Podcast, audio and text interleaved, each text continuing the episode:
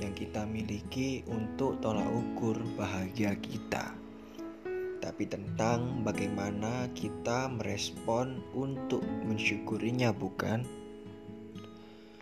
Tentang tawa, tentang lara, tentang bahagia, tentang senyuman, tentang bimbang, tentang perspektif luka, tentang dendam, tentang cinta dan tai, tentang harga, tentang hampa, tentang impian, tentang takdir, tentang anak manusia yang berusaha menghadapi antagonisnya dunia dengan tulus dan berani.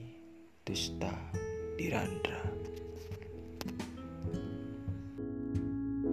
thank you